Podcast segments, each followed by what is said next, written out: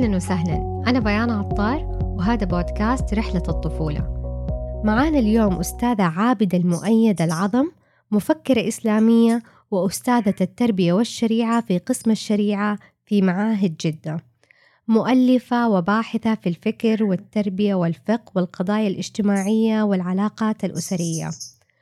عرفت بكونها حفيدة الشيخ الطنطاوي ولها عدة مؤلفات مثل آه هكذا ربانا جد الطنطاوي وكتاب آه لئلا يتمرد أبناؤنا والكثير من الكتب التربوية. أهلا وسهلا أستاذة عابدة. أهلا وسهلا ومرحبا بك.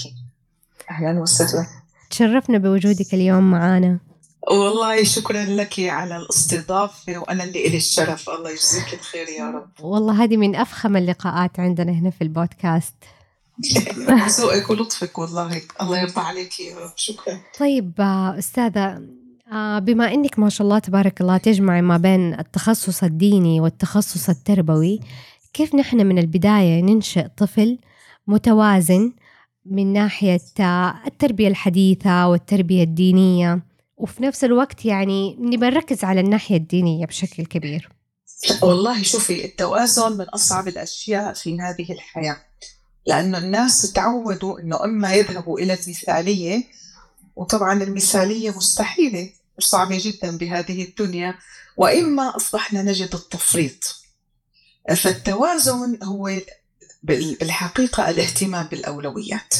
التوازن أنه تعرف الأم ويعرف الأب شو هي أكثر الأمور التي يجب التركيز عليها بعملية التربية والأمور الأساسية والأمور الثانوية والأمور التي تكون بينهما.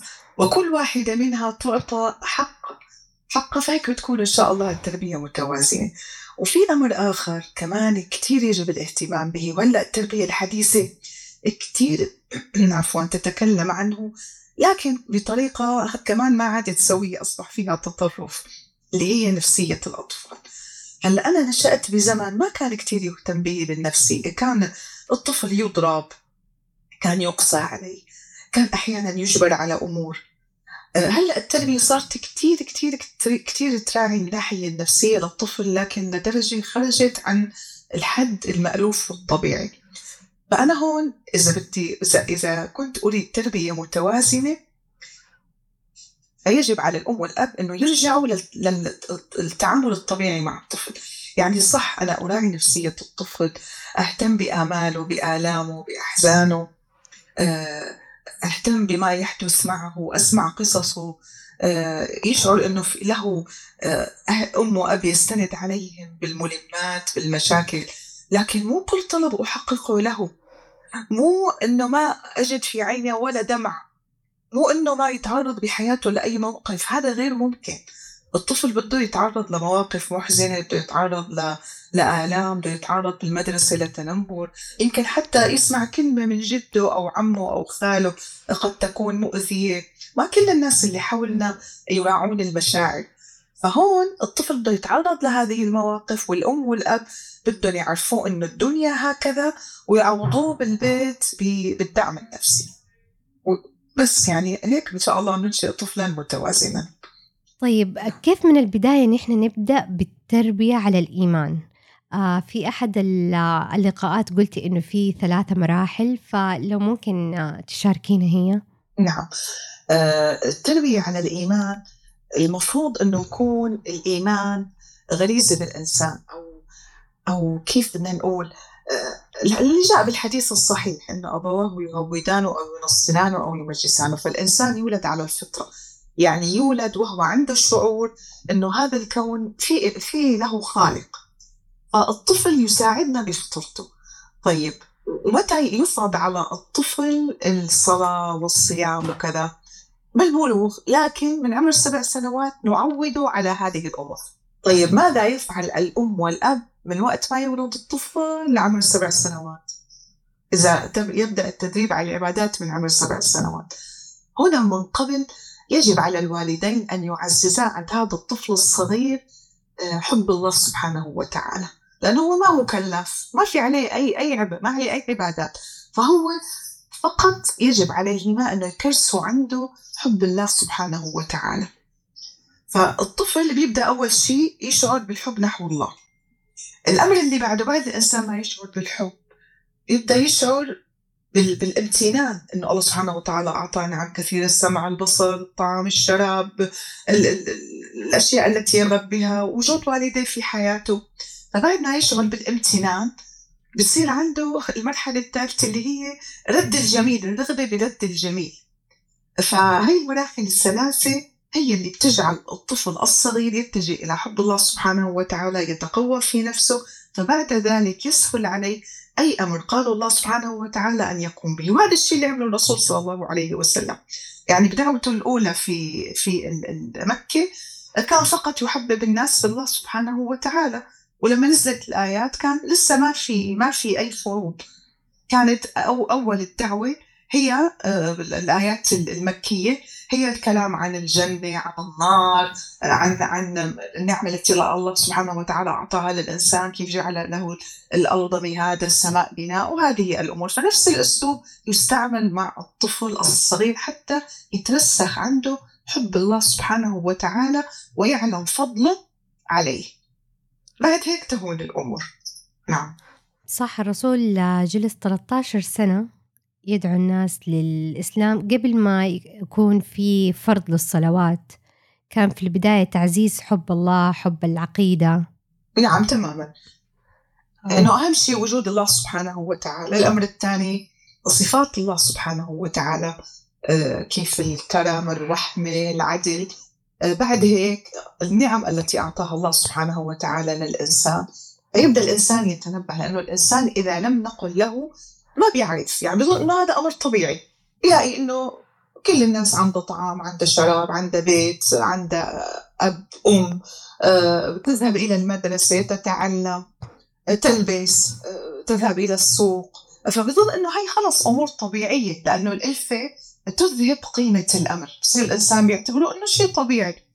الله سبحانه وتعالى بالقرآن كان دائما يذكرنا بالآيات القرآنية بقيمة نعمة الماء نعمة السكن نعمة البيت نعمة الزواج ونعم كثيرة. فالإنسان لو لم يذكر بها لم يدركها.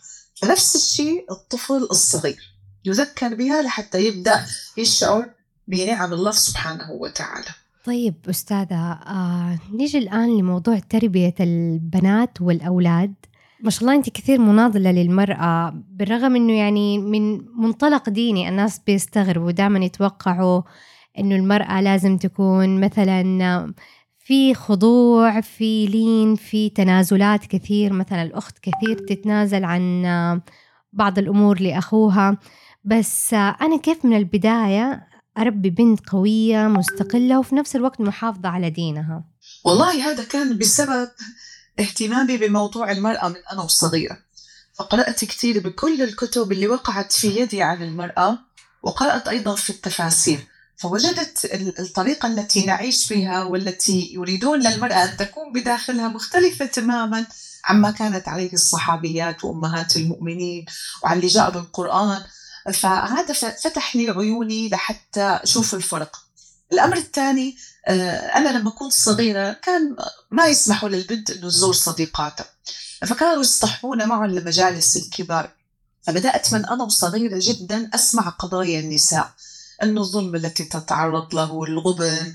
آه، أحيانا الغدر إنه بعد ما تخلص لزوجها تعطيه أموالها لحتى يشتغل بتجاره إنه كيف بعدين يطلقها.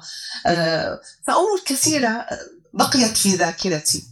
لما كبرت وعملت بالاستشارات كمان كثرت هذه القصص أكثر وأكثر فهذا جعلني اللي سميتيه انت نضال. هو بالحقيقة ليس أكثر من الدفاع عن الظلم. ونظرا لأنه المرأة تظلم أكثر في مجتمعاتنا فأنا ببين إنه كأني أنا متحيزة للمرأة ودائما أدافع عن المرأة. بس والله جدي الله يرحمه كان هيك يقول. كان يشكو نفس الشكوى يقول إنه لسه بيقولوا عني نصير المرأة وأنا أدافع عن المرأة. أنا أدافع عن المرأة لأنه المرأة أكثر ظلما وأكثر هضما بالمجتمعات. يعني يكفي إنه الرجل مثلا هو اللي بينفق فمعه المال هي ما معها مال المال قوة. إنه هو مثلا الله خلقه لحتى يشتغل خارج البيت فجسده أقوى. فممكن إنه أحيانا إذا ضرب أو شيء إنه يؤذي بينما المرأة تبقى الأضعف. فهذا والله السبب. هذا خليني أولا أوضح. الأمر الثاني الظروف اللي مررنا بها بالعشر سنوات الماضية. شفتي كيف بعض البلدان العربية تعرضت لظروف؟ فبقيت المرأة وحدة. زوجها إما قتل أو أو سبقها بالهجرة أو فبقيت وحدة تحملت المسؤولية وحدة. آه، مع هيك بقيت تعتبر إنه آه، هي الأقل قدرة على اتخاذ القرار ولا يحق لها ذلك فتعرضت المراه لكثير ظروف فهذا هو السبب. فكيف تكون بقى المرأة قوية؟ الحقيقة تكون قوية مثل ما اجى بالإسلام. المرأة كانت دائما على زمن الرسول صلى الله عليه وسلم تتخذ القرارات بنفسها. يعني أنا ما ما وجدت ولا حديث لما جاءت في المرأة للرسول صلى الله عليه وسلم تتظلم أو حتى آه، مثل مثل لما جاءته أم هانئ قالت له إنه إنه هي أجارت آه، لما أجارت شخص نسيت والله ما شو ماذا يقرب لها. فالرسول صلى الله عليه وسلم قال لقد أجرنا من أجرت يا أم هانئ ما أن هل سألتي كيف خرجتي من البيت؟ هل أجاز زوجك أنت أنه أنه أنت تجبري فلان؟ لا كان الموضوع مفتوح تماما. فكانت المرأة عندها نوع من حرية الإرادة وحرية الشخصية وكان لها حقوق حقها بالتعليم إنه تخرج للتعليم تخرج للمشاركة بالحياة السياسية الحياة الاجتماعية. هلأ بنلاقي مجتمعاتنا كل هاي الأمور ما عادت موجودة. فالمرأة تكون قوية لما تعطى آه، تعطى مساحة من حرية الإرادة ومن حرية التعبير ومن حرية الدراسة ومن حرية العمل هي فقط اللي اعطاها الإسلام وكلها طبعا بالمعروف. بالمعروف وبما يتناسب مع المكان اللي هي تعيش فيه ظروفها الخاصة كونها متزوجة أو غير متزوجة. فتختلف هي من امرأة لأخرى لكن كلها بالآخر من حقوقها الأصلية الموجودة بالإسلام. فأنا من هنا استمديت القوة. أنه من حق المرأة أمور وهي موجودة بالشرع لكن بنلاقي ممكن بكل بساطة يأتي أحد ويقول لها أنه لا أنه أنت ممنوع تكملي دراستك أنت ممنوع أن تعمل أنت ممنوع أن أو تغضل عن الزواج. فهي فقط مناداة بحقوقها الأصلية. كيف تكون المرأة قوية؟ تكون المرأة قوية لما تعرف إنه إنه الله سبحانه وتعالى أعطاها هذه المساحة، الرسول صلى الله عليه وسلم أعطاها هذه المساحة، فتحاول بس بهدوء بهدوء. إنه تطالب بهذه الحقوق، أحيانا استسلام المرأة وسكوتها يجعل من حولها يظنوا إنه هي راضية، إنه هي ما في عندها أي مشكلة، إن لكن لو بدأت تتكلم صح يمكن المجتمع الذي تعيش فيه قد لا يرضى ببعض الأمور قد لا يوافق عليها. لكن مع استمرار المطالبة ما بيقولوا ما ضاع حق وراءه مطالب. فمع مرور الأيام يبدأ من حوله يدرك أنه هي حريصة على هذه الأمور. سكوتها أحيانا يجعلهم يظنون أنه هي آه خلص بما أنها منعت من هذا الأمر إنه خلص قد رضيت بأمر آخر. لكن لا مرات بتكون قدراتها وطاقاتها بتسمح لها انه تفوت بهذه المجالات وتبدع بها. فحرام أن تحرم منها وأن يحرم المجتمع أيضا من من من نتائج ذلك. واليوم كما ترين يعني كثير تغيرت المجتمعات. آه وصار فيها مراعاة لهذه الأمور وأصبحت المرأة تخرج وتعمل وتساهم بالخير وتعمل بالدعوة. يعني مرت فترة حتى الدعوة حرمت منها المرأة. إنه لأنه فيها خروج وتحتاج أحيانا لوسائل مواصلات قد لا تكون متوفرة، أحيانا يكون المكان بعيد قليلا عن بيتها، مرات بتتأخر شوي بالعودة إلى البيت، بعض الأسر ما تتقبل هذا الأمر، يعني الآن الحمد لله الزمن يتغير وإن كان ما تزال هناك مجتمعات ما تزال مغلقة، لكن يعني إن شاء الله مع الأيام يمكن أن نصل إلى الحد الذي نريده. يعني الحد المعقول المقبول شرعا المقبول عرفا المقبول قانونا المقبول بكاف يعني من, من كافة النواحي. طب ما الفرق بين تربية البنت والولد في في الشريعة؟ هل في فرق بينهم نحن من البداية؟ خلاص عندنا أخت وأخو في أعمار متقاربة نربيهم بطريقتين مختلفة ولا بالعكس نربيهم بطريقتين بطريقة واحدة متشابهة؟ هلا لحد السبع سنوات أو الثمان سنوات أو حتى العشرة ما في فروق بين الذكر والأنثى لأنه لسه ما في تكليف أصلا ولم تظهر بعد الفروقات الفيزيولوجية بينهم وهي ما بتظهر عن حقها إلا وقت البلوغ. هلا طبعا لا بأس إنه من قبل أن يعد الأب والأم الصبي لدوره بالحياة والبنت لدورها بالحياة لا بأس لكن الأدوار تختلط. نحن الآن أصبحنا نعيش في زمن الصبي أو الشاب لما أو الفتى بيضطر أحيانا أن يبتعد عن أهله من أجل الدراسة من أجل آه يعني لأي سبب فبيعيش وحده. فيحتاج أن يتعلم كيف يدير البيت كيف يغسل كيف يعد طعامه آه كيف ينظف. ونفس الشيء البنت عم تتعرض بحياتنا الآن لمواقف تبتعد فيها عن زوجها أو عن أهلها. كمان لأسباب متنوعة. فهي بتحتاج كمان أن تخرج إلى آه، المجتمع يعني خارج البيت لحتى كمان تحضر أغراضها تعمل تتكسب. فهي كمان تحتاج أن تتعلم كيف تكون برا. فلحد السبع سنوات تقريبا تربية واحدة لأنه بتكون تربية تعتمد على تعليم الطفل الصغير الأخلاق الأخلاق للصبي والبنت واحدة. الدين أو مو الدين خلينا نقول لسه لأنه ما صار في تكليف بس في الأخلاق. في في في الأخلاق وفي التهذيب وفي آه، تهذيب الطباع. الأم والأب عليهم أحيانا يهذبوا الطباع. طبعا الطباع ما بتتهذب ما بتتغير بشكل جذري ولكن يمكن تهذيبها فكمان هي تشمل البنت وتشمل الصبي. بعد بقى يعني بين السبعة والعشرة ممكن أنه يصير شوية تفرقة بين البنت والصبي ولكن ليس بالنواحي الإنسانية.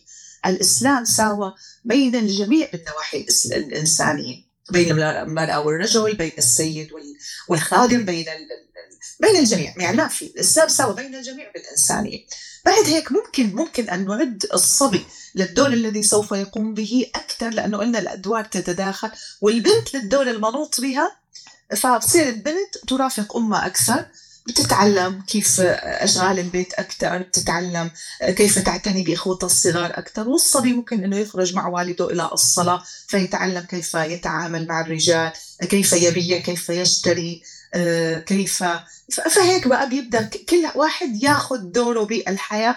لكن تبقى النواحي الإنسانية رغم ذلك والتعامل واحد بينهما. لا يجوز ابدا التفريق بين الذكر والأنثى. وفي كتير عائلات لما كانت تفرق بينهم هذا كتير أدى لعقد يعني. صارت البنت تكره الأنوثة. ما بدها إنها تكون بنت.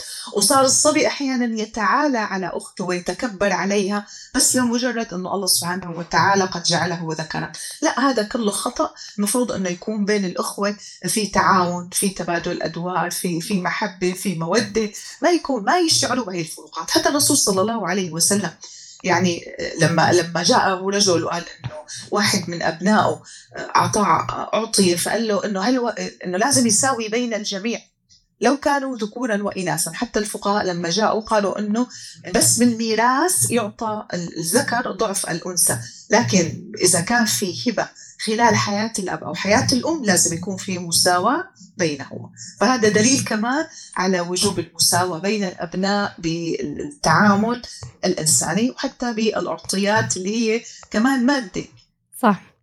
آه، أفتكر في كلمة أنت قلتيها في أحد اللقاءات ومرة أثرت فيه في موضوع التربية آه، موضوع أنه الطفل ليس عجينة نحن دائما في مجتمعنا بيقولوا إنه الطفل عجينة أنت بتربيه زي ما أنت بتحبي زي ما أنت إيش تبي تحطي في هذه العجينة من مكونات هذه.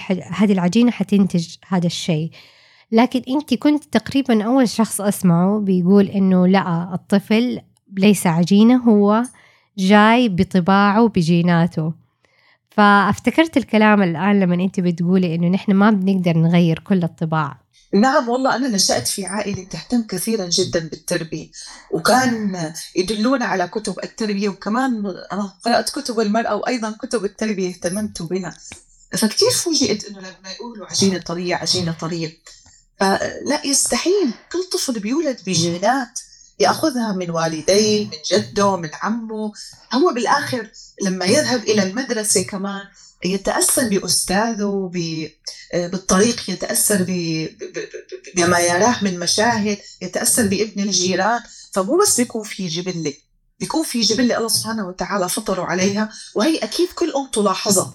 إنه بتلاقي الأطفال من هن وصغار في طفل بتقولي له إنه طعميني بيكون بيده طعم ما يأكله. طعميني بتلاقيه فورا فورا يبادر ويعطيك لقمة أو يعطيك أحيانا كل ما بحوزته.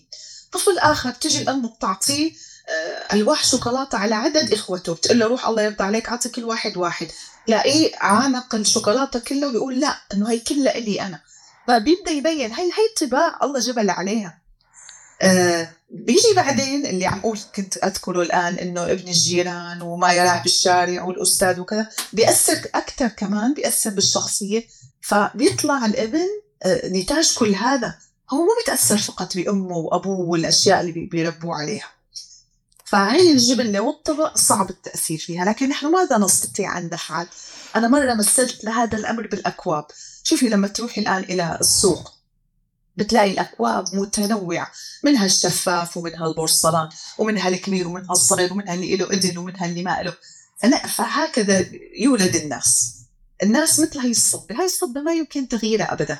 طب نحن ما هو دورنا كأهل؟ نحن نستطيع أن نعبئ هذه الأكواب. فبدل ما نضع فيها سم أو نضع يعني شيء محرم شراب محرم نحن نضع بها العسل نضع بها عصير الرمان نضع بها الحليب نضع بها اللبن فالأشياء المغذية. فكل أم كل ما كانت شاطرة أكثر كل ما بتعبئ الكوب بالقيم بالأخلاق تنتج ابن مثقف ابن ناجح. أما أنه تغير جبلته الأصلية لا يمكن. البطيء غالبا يبقى بطيئا. السريع الغضب غالبا يبقى سريع الغضب لكن الأم تستطيع أن تمنعه من إنه أثناء الغضب إنه يرمي الأشياء على الأرض. تقدر تمنعه أن يسب ويشتم لكن ما بتقدر تمنعه إنه يغضب بسرعة. أي طبع. طيب أستاذة الآن نحن في مجتمع أو في زمن جدا منفتح مثلا على الثقافة الغربية أو عندنا أجهزة إلكترونية في يد أبنائنا. وإن كان يعني نحن بنتحكم بالأشياء اللي يشوفوها بس برضو كثير من الأهل بيشتكوا إنه نحن الآن في أصعب زمن للتربية أو بعض الأحيان بيسموه زمن الفتن زمن الانفتاح. هل نحن فعلا في أصعب زمن للتربية؟ ولا كل زمن ليه تحدياته؟ ولا أي حقبة زمنية في التاريخ كانت أصعب فترة للتربية؟ والله لا كل زمن له تحدياته. حتى في أزمنة كانت أصعب بكثير. هلا وحتى أيام زمان قبل ما تأتي العولمة وقبل ما نختلط بالغرب يعني كان في فساد.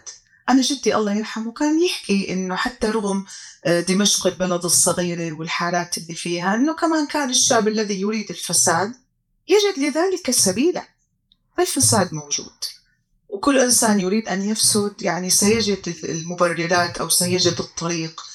فأنا هي أقولها للتخفيف عن الأمهات والآباء وهي حقيقة. فيطمئنوا ويعرفوا إنه ليس فقط الآن اللي بيعيش بالبلاد الغربية يتعرض للفساد اللي بيعيش بكل مكان على الكرة الأرضية يعني المهم إنه بأي مكان وبأي زمان الفساد موجود لأنه هذا جزء من تحديات التربية. وإذا ما كانت التربية صعبة يعني نحن لولا هذه المفسدات كان كتير سهل والله بنمسك أولادنا وبنعلمهم وبنربيهم ويا سلام. وبيلاقوا قدوة بالبيت جيدة أبوهم يذهب إلى المسجد وأمهم ما شاء الله تقية. فكان كتير هذا الأمر بس دائما دائما في مفسدات. حتى أحيانا تجي عوامل خارجية. ممكن يصير هجرة ممكن يصير زلزال ممكن يصير أي شيء. فيؤدي إلى تغير حياة الناس تغير أفكار وممكن يصير انهيار اقتصادي. فكل هاي العوامل على فكرة بتاثر بتأثر بعملية التربية لأنه لما يتراجع كله مربوط ببعضه بالآخر. فاريد أن أطمئن الآباء والأمهات إنه يعني صح زمننا في تحديات وفي صعوبات لكن بالمقابل هي وسائل التواصل كمان كثير الآن صارت عم تعين الأهل بمتابعة أولادهم بمعرفة أين ذهبوا مين معهم آه، ماذا يشاهدون. صار الآن جلوس الأبناء بالبيت أكثر كان من زمان يطلعوا. هلأ الآن الأجهزة أغلتهم. فجلوسهم بالبيت في فرصة أكثر إنه الأهل يتكلموا معهم يتصادقوا معهم آه، حتى يبعدوهم عن هي الأجهزة بطريقة ما. فالتحديات موجودة دائما والمهم كيف يتصرف معها الأم والأب. أنا صارت نظريتي إنه هي تيار آه، أول ما طلعت كان قبل حوالي 20 30 سنة كانوا الأهل يقترحوا إنه بنحدد ساعات معينة للأولاد. إنه ما بنجيب أجهزة صغيرة مثل الهواتف والآيبادات إلا لما الطفل يكبر وينضج. نعتمد فقط على الكمبيوتر الكبير. فهذا صعب إنه يفتح فيه أشياء غير جيدة لأنه بكون تحت المراقبة. لكن الآن كمان الزمن تغير صار كل طفل معه جهازه. فالأفضل أنه نحن نعلم أولادنا كيف يستعملون هذه الأجهزة وأن ننمي ذوقهم. فكيف يستعملون هذه الأجهزة؟ يعني يذهبون إلى الفوائد. أنت يا أبني بتحب السيارات استثمر هذا الجهاز لحتى تتعلم. صح يعني هو ما له كثير علم عظيم لكن أفضل من أنه يضيع وقته أو أو يشوف أشياء محرمة. معلش شوف ماركات السيارات تعرف على الشركات شوف الموديلات الحديثة شوف عيوب العيوب كذا. اشتغل الابن بأمر البنت مثلا كمان ممكن نشوف ما هي هوايات نشغلها بأمر فتبدأ تتعود أن تستعمل هذا الجهاز للفائدة الآن مع السفر التواصل مع الأرحام. تشوف أقرباء اللي بالبلدان الأخرى. والأمر الثاني كمان إنه نستثمر هذا الجهاز آه، عفوا مو نستثمر الجهاز إنه ننمي عند أولادنا الحس الذوقي. يعني الأولاد بالأول عندهم فضول فممكن يشوفوا أي شيء يسمعوا أي أغنية يشوفوا أي موضة يشوفوا أي يوتيوبر. لكن هذا دورنا. بالبداية سيرون لكن بعد ذلك نحن علينا أن نرشد هذا الأمر عن طريق استعمال ال NLP تعرفي ال NLP آه، بتعلم الإنسان بتعزز عنده الإيجابيات وتنفره من السلبيات. فهذا أحسن طريقة يستعملوها الأم والأب لحتى ينموا ذوق أولاده. يصيروا يتجهوا يصير عندهم بوصلة من جوا تتجه يتجهوا فيها إلى رؤية وسماع الأشياء المفيدة الهادفة آه، حتى ممكن يكون فيها طرافة أو شيء بس كمان الطرافة الهادفة ويبتعدوا عن الأمور المبتذلة أو الأمور المحرمة أو الأمور اللي فيها تشجيع على الفسوق أو على الانحلال بصير عندهم بوصلة وحده. مراقبة الله يعني سبحانه وتعالى. هي تحتاج إلى وقت بس إن شاء الله بتصير بتصير. وأنا جربتها وغيري جربها ونجحنا لأنه الآن لما أجي أقول للأمهات بيقولوا لي التنظير سهل. هذا ما له تنظير هذا كلام عملي وكلام واقعي وكلام مجرب طب كيف نوصل لهذه العلاقة المثالية؟ أو خلاص بلاش نسميها مثالية؟ العلاقة اللي فيها ثقة عالية بيننا وبين أبنائنا. يعني الناس بتقول تنظير نعم. بس هو في صعوبة أستاذة. طبعا في صعوبة لكن شو دور الأم والأب؟ لو كانت التربية عملية سهلة ما كان الله سبحانه وتعالى جعل الأم والأب أوصياء على أولادهم اللي عمره 18 سنة. يعني كان خلاص كل إنسان مسؤول عن نفسه وخلصت القضية. فهي التربية لا شك أنه فيها صعوبة. لكن ببعض الإرشادات والله القليلة بيمشي الحال. يعني أنت ذكرتي ببداية الكلام أنه أنا لي كتاب اسمه هكذا ربانا جدي. أنا الآن لما أتذكر بستغرب كثير كنا ما نصدق متى يأتي الصيف لحتى نخلص من الدراسة ومن ال... ال... الواجبات. ونلعب مع أقراننا. بس سبحان الله. كان مجلس جدي بالنسبة لنا لا يفوت. كان رغم حبنا للعب وحبنا لاجتماعنا مع أقاربنا بالصيف لما جدي يجلس بغرفته ويجتمعوا معه الخالات نترك كل شيء ونأتي لنستمع لذكرياته لقصصه. فالأهل بيقدروا يعملوا هذا الجو العائلي أولادنا يفتقدون للجو العائلي. نحن ما عملنا لهم بديل. يعني أولادنا لماذا يتركون هذه الأجهزة؟ لو تركوها. شو شو شو هو التعويض؟ ما هي وسيلة التسلية؟ نحن حتى كان يصير أحيانا ألعاب جماعية كان جدي أحيانا يشاركنا ببعض هيك الأمور البسيطة اللي الممتعة. فكنا أحيانا نتشارك ببعض الألعاب الجماعية. ممكن يضمر اسم صحابي ممكن آه، لعب لعب جماعية مقبولة. فهذا كتير كان يشغل وقتنا ويخلينا إنه نشعر بالألفة يصير في ثقة بيننا وبين أهلنا. آه، كان يجبرنا إنه بالبداية الصراحة كانت إجبار. كنا صغار كتير إنه ندخل إلى المطبخ مع أهل مع أمهاتنا ونساعدهن بإعداد الطعام. بالبداية وجدنا مشقة بالأمر لكن بعد ما دخلنا للمطبخ وصرنا نشوف خالاتنا كيف عم يتجاذبوا أطراف الحديث ويحكوا ذكرياتهم وكل واحدة تعلم الثاني إنه كيف كيف بنعد هي الأكلة وأنا بعملها هيك؟ لا أنا بعملها هيك تعي نشوف أنه أحسن. فكل هذا صرنا نشعر كمان إنه والله ممتع تعالي ممتع.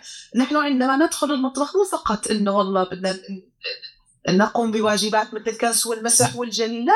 في أمور أخرى ممتعة هي صحبة الخالات وصحبة كمان بنات خالاتنا. فلو اولادنا كمان علمناهم يشاركونا بهذه الأمور. كل هذا بيعمل بيشغل الوقت.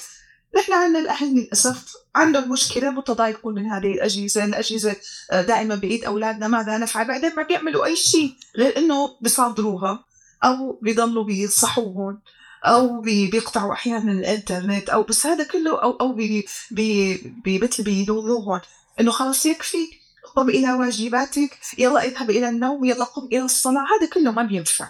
إذا ما كان في بديل ممتع ما بيمشي الحال. فكتير ضروري إنه الاهل يعملوا خطوة إيجابية. وهي واجبهم وهي من ضمن مسؤوليات التربيه مرة جميل جدا إنه فعلا البديل يكون هو الوقت النوعي أو الوقت من الأهل. اللي نحن كأهل لازم نقدم الوقت. كثير من الأهل يظنوا إنه نحن خلاص كم إنه نحن وفرنا الألعاب البديلة. مثلا وجود السيارات الكور الأقلام التلوين ممكن هذا كفاية. يعني كثير من الأهل بيقدموا البديل المادي بينما الطفل ممكن يهمه زي ما أنت قلتي البديل المعنوي إن أنت تيجي معايا المطبخ أعلمك وصفة وفي نفس الوقت أحكيك ذكريات جميل جدا. هو هذا أكثر ما أقنعنا. لما شعرنا بحلاوة صحبة الكبار. وأنا على فكرة للآن بقي هذا بأعناقي. أنا الآن كثير أسعد بالجلوس مع سيدة كبيرة مع أني أنا أصبحت كبيرة بس أسعد للآن بالجلوس مع سيدة كبيرة أكثر من صبية صغيرة. لأنه بحس أنه في حكمة في في عالم أنا لم أشهده. إنه كيف كانت الدنيا كيف كانت التربية كيف كانت البيوت. إنه أنا مثلا الجدات الكبيرات بيحكوا لي كيف ما كان في كهرباء ما كان في غسالة. هلأ انت حتى يمكن تقدري تحكي لأبنك الصغير أشياء هو ما بيعرف ما بيعرفها. ما لأنه عالمه اصبح غير عالمك فكل هي الأمور والله جميلة جدا. لو الأهل يحاولوا إنه يوصلوها لأولادهم فتعطي الأولاد كمان خبرة مو بس متعة. فيا ريت والله يا ريت أولادنا بحاجة لصحبتنا بحاجة لوجودنا. أنت الآن قلتي كلمة جوهرية. الأهل الآن مشغولين أو عنده شعور بالعجز إنه أنا ما عم أقدر آه، أكون صديقة لأولادي ما أستطيع أن أمنعهم عن وسائل التواصل تقوم بس تغدق عليهم المال أو الهدايا أو الألعاب. ما يكفي ما يكفي. كما قلت ما يكفي. الولد يحتاج إلى أمه وإلى أبيه. بما إنك ذكرت الأم آه، الولد يحتاج الأم والأب. إيش هو دور الأب في تربية الأبناء؟ هل هو فعلا مرة مهم؟ ولا الأب مسؤول فعلا عن المال الجانب المالي ويوفر السكن والطعام والأم هي المسؤولة عن الجانب التربوي. الطفل يحتاج أكثر ما يحتاج إلى العواطف. فعلا الأب مسؤول أكثر عن الناحية المادية وعن تأمين السكن وكمان إنه الهدوء للأم السكن للأم. لحتى تشعر إنه ما أنا متوترة لما تكون علاقة الأم والأب متوترة هي مشكلة كبيرة. لحد عمر السبع سنوات الطفل يحتاج أمه أكثر. أكيد وجود والده بحياته مهم ومهم جدا ويؤدي إلى الاستقرار وإلى الأمان لكن هو بحاجة أكثر لوجود الأم لعاطفتها لرعايتها له يعني بيكون لسه عاجز عن كثير أمور فالام أقدر على توفير بعد ذلك مرحلة بين السبعة والعشرة يحتاج إلى الاثنين نفس نفس الشيء لأنه بيبدأ بقى خاصة الصبي بيبدأ يتحول بيبدأ يشعر يعني إنه والده بقى هو القدوة هو الأقرب له. آه، بيبدأ بده يحاكيه بده يتمثله بده يسال عن امور بعد العشر سنوات أكيد الأب يحتاج والده أكثر ويحتاج إنه أبوه كمان مو بس إلى والده إنه أبوه يأخذه معه إلى عمله إلى أصدقائه. من البداية الإبن يكون فقط يستمع يسمع ويرى. كمان ما يشارك. بعض الآباء ياخذ ابنه بخليه يشارك. لا غلط. بالبداية يحتاج الإبن إلى زمن لحتى يراقب مجالس الرجال يتعلم يرى ماذا يصنعون كيف يتكلمون. بعد ذلك بقى لحتى يتقن آه، ويكبر ويصير عنده معلومات. وشي ممكن هو أن يشارك؟ والبنت تحتاج إلى والدها بحياتها لكن تحتاج أكثر إلى أمة فتصاحب أمة. هلأ الأب في له دور أنا كثير كثير أعتبره مهما إنه هو بيكون الطرف الثالث في التربية. الأم هلا حرجع بقى لكل الأعمار. الأم دائما موجودة مع الابن من صغره لحد ما يتزوج لأنه على الأغلب حتى لو كانت عاملة على الأغلبية موجودة أكثر في البيت. لا بيستفوق عمله عليه إنه يحضر أغراض عنده واجبات أخرى. فالأم بتكون موجودة أكثر في البيت. آه، بتتعرف أكثر على شخصيات الأولاد آه، تتقرب منهم أكثر فمثل كأنه آه، بيسعدوا فيها الأولاد. ما بيعود أحيانا يثقوا يثقون بكل ما تقوله. بيشعروا إنه هي اللي شدت خوفها عليهم تعطي أوامر كثيرة. أحيانا تحاصرهم. فالاولاد بيبدوا يشعروا انه إنه هي قيد. بينما الأب بيأتي بآخر النهار بيكون مشتاق للأولاد. فغالبا بيساير أكثر بيلطف أكثر. فهذا بيعمل بقى مشكلة. إنه الام صار أحيانا صعب الاستجابة لها بيشعروا الأولاد كأنه هي بس تريد التقييد. فلما يأتي الأب باخر الليل وبعد ما يلعب الأولاد وشي يؤكد على كلام الأم. أو إذا الأم شعرت بصعوبة مع ابن قالت له إنه أرجوك ساعدني. قل له كم كلمه عن البر عن إنه هذا الأمر واجب يجب عليه أن يقوم به إنه انه له ناصحه أمينة. فكثير هذا يساعد في عملية التربية. لما يشعر الابن إنه الأم والأب على نفس الطريق بس مو دائما الأب معه مثل الأم؟ لا يأتي في الوقت المناسب ويقول الكلمة المناسبة فبيكون له كتير تأثير إيجابي بعملية التربية ويعزز جهود الأم. فأنا أنا أنا أحب هذا الدور للأب. ما, ما يستهلك كما تستهلك الأم لحتى يكون في له آه، كلمة ومكانة ومهابة يساعد فيها إنه إن شاء الله عملية التربية تبقى ماشية بالطريقة الصحيح والسليم. معناته الأم والأب لازم يكون عندهم اتفاقات مسبقة يكونوا ماشيين على نفس الخط في التربية. والله يا ريت يعني بس أنا لما درست مادة التربية الإسلامية فكانت كثير الأمهات تشكي إنه الأبهات مستقيلين ما لهم علاقة أبدا. دائما يبتعدون ويتركون يتركون كل شيء للأم. فأنا كنت إلا إنه هذا إجمالا أمر جيد ويخفف المشاكل لأنه أحيانا إذا الأم والأب صار في بينهم كلام متناقض هي تقول للابن شيء وهو يقول والأب يقول شيء فالابن طبعا بيستغل الوضع. ما بيبut في تربية. لكن لو تدخل الأب بالوقت المناسب بيكون عظيم. فأنا كنت أقول للأمهات إنه بدكم تتعودوا إنه الان ظروف الاباء صارت صعبة كثير والحياة آه، تستهلكهم لكن أصري أصري إنه يوم تحتاجي الأب أن يكون موجودا ضروري. طيب أستاذة عابدة رسالة توجهيها للأهل والمستمعين قبل ما نخلص الحلقة. والله سأقول لهم أنه نحن دورنا بالتربية ليس كما نظن. آه يعني في أمور قلناها أثناء الحلقة سألخصها. نحن نظن أنه في لدينا طفل صغير فنحن علينا أن نراقبه ونحيطه بكل الاهتمام وأنه يجب أن نغير شخصيته انه نحط قدامنا صورة مثالية وأن نسعى إليها. فنرهقه وأنه لازم يكون دائما متفوق ولازم يكون دائما مهذب ولازم يكون آه، على درجة عالية من العبادة. هذا لا يمكن. المثالية غير موجودة. نحن في عنا أولاد كما قلنا خلال الحلقة ولدوا بطباع معينة. نحن دورنا أن نمسك بأيديهم وندرس شخصياتي. أول شيء ندرس شخصياتهم نعرف إنه كل ولد شو قدراته ماذا يستطيع أن يفعل آه شو هي ميوله وأهواءه ثم بعد ذلك أن نوجه كل طفل للوجهة الأفضل لطبيعته ولشخصيته ولقدراته. مو إنه نجي نمسك هالولد تكون طبيب أو مهندس. مو نمسك هالولد نقول له إنه أنت بدك تكون كما كان الصحابة. أهم شيء أن تفهم الأم شخصية ابنها. قدراته وأن لا تدفعه إلى المثالية وإنما تمشي معه بتوازن وحسب الأولويات. وكلما أتقن أمرا فتنتقل معه إلى الأمر الآخر.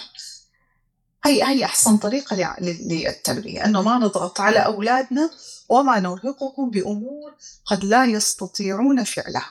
هيك بيكون عفوا مشكلة كبيرة جدا. جميل جميل جدا. أستاذة عابدة نشكرك جدا إنك أنت معانا اليوم. ما شاء الله عليك أستاذة في الشريعة وفي التربية. يعني نحن أخذنا من وقتك وسعيدين إنه نحن استفدنا من من المعلومات اللي عندك والخبرات. ما شاء الله عليك مربية أجيال.